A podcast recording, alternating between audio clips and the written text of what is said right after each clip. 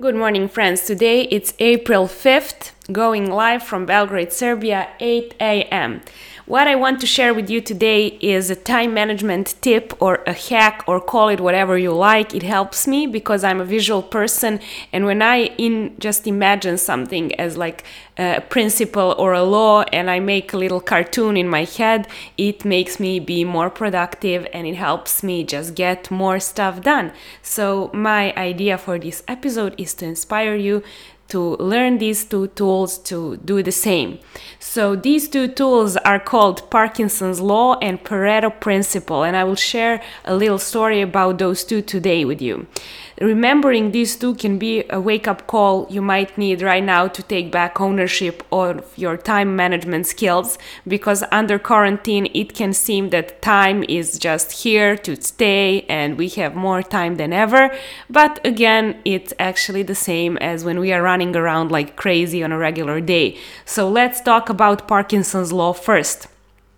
Parkinson law says that the work basically expands so as to fill the time available for its completion. What does this mean? Remember in high school when somebody gives you a deadline 3 months and you wait until the last week to do it? Well, if you're like me, that was probably the case.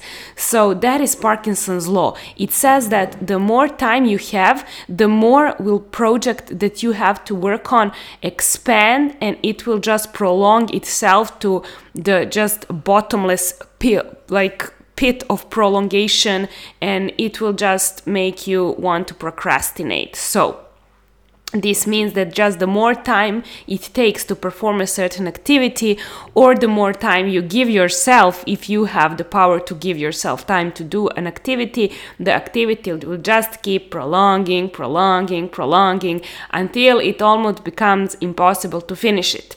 So, the more time you give yourself, the more unproductive you will be, and eventually you will just procrastinate your way into failure what does this mean and how can we apply this? Well, if you're a perfectionist on top of the Parkinson's law, then you're pretty much screwed because, as my mentor Brooke Castillo says, Perfectionists are just scared people who just want to avoid failure and ridicule no matter what at any cost.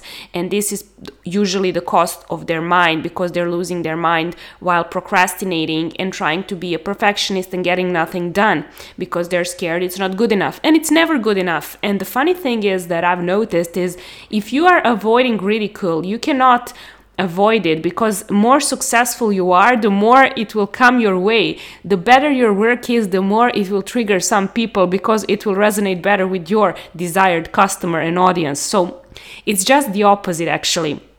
Remember this that parkinson's law is very good because it reminds you that what you need to do is not more thinking but more acting and doing. This is why action is king because it makes you move your butt off the couch and make a small step. And it's these small steps which accumulate over time that make this ginormous thing happen. If someone told you you have a day to send the email reply, to an email you keep avoiding to reply to because you're scared, then if someone says you will lose your job if you don't reply in the next hour, do you think you would not? Or if someone told you that you forgot to submit a paper if you're in university and that paper qualifies you to the, take the final exam to finish that year and to graduate, do you think you won't finish it in a day?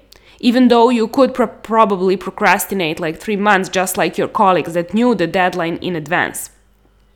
This law pretty much sums up the way I live my life and manage my business because my philosophy is that done is better than perfect. When something is done, I get data, I get feedback from other brains. My brain is not the best brain. Everyone's brain is equally interesting and can contribute a lot to my work. So when something is done and not perfect and you guys give me feedback, then I can improve it. If I just keep things in my brain, if something is an idea or a concept in my head, I cannot cannot improve it or think about it over and over again to make it better. Only by acting, by delivering, by showing up, and by you guys sending me positive and negative feedback can I improve.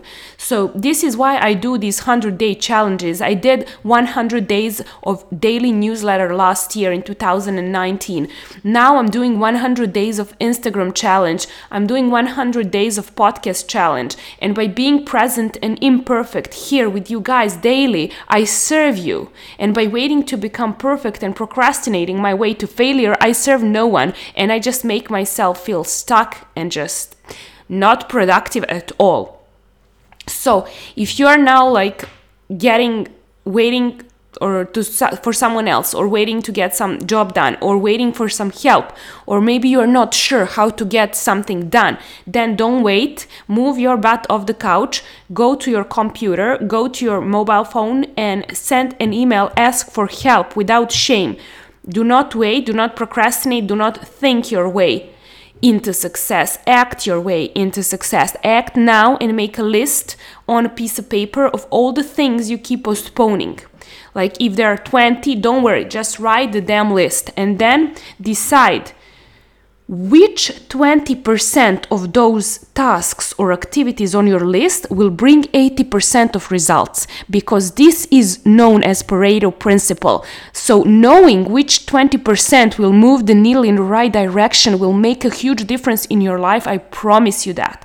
I always do my business like this. Which 20% of activities brings me my 80% of revenue. And that is why I'm not like obsessing over social media. I don't care. I love my newsletter. I love my podcast. I love direct communication, direct sales and I'm really not such a social media personality. Even though I'm present there, that's not where my business magic and conversion happens. I don't like to depend on anyone, so I like my emails and my content. Those 20% brings me 80% of my revenue. So think about that in your business and think about that of your list. What are the activities you keep postponing? And just circle them which 20% will bring in 80% of results. And then schedule a tight deadline for one of those, the first one you choose, and watch your productivity rise like morning sun. You will love it. I promise you, use these two Parkinson's law and Pareto principle to make your life easier. It works magic. It did wonders in my life. So just apply it today and let me know how it works.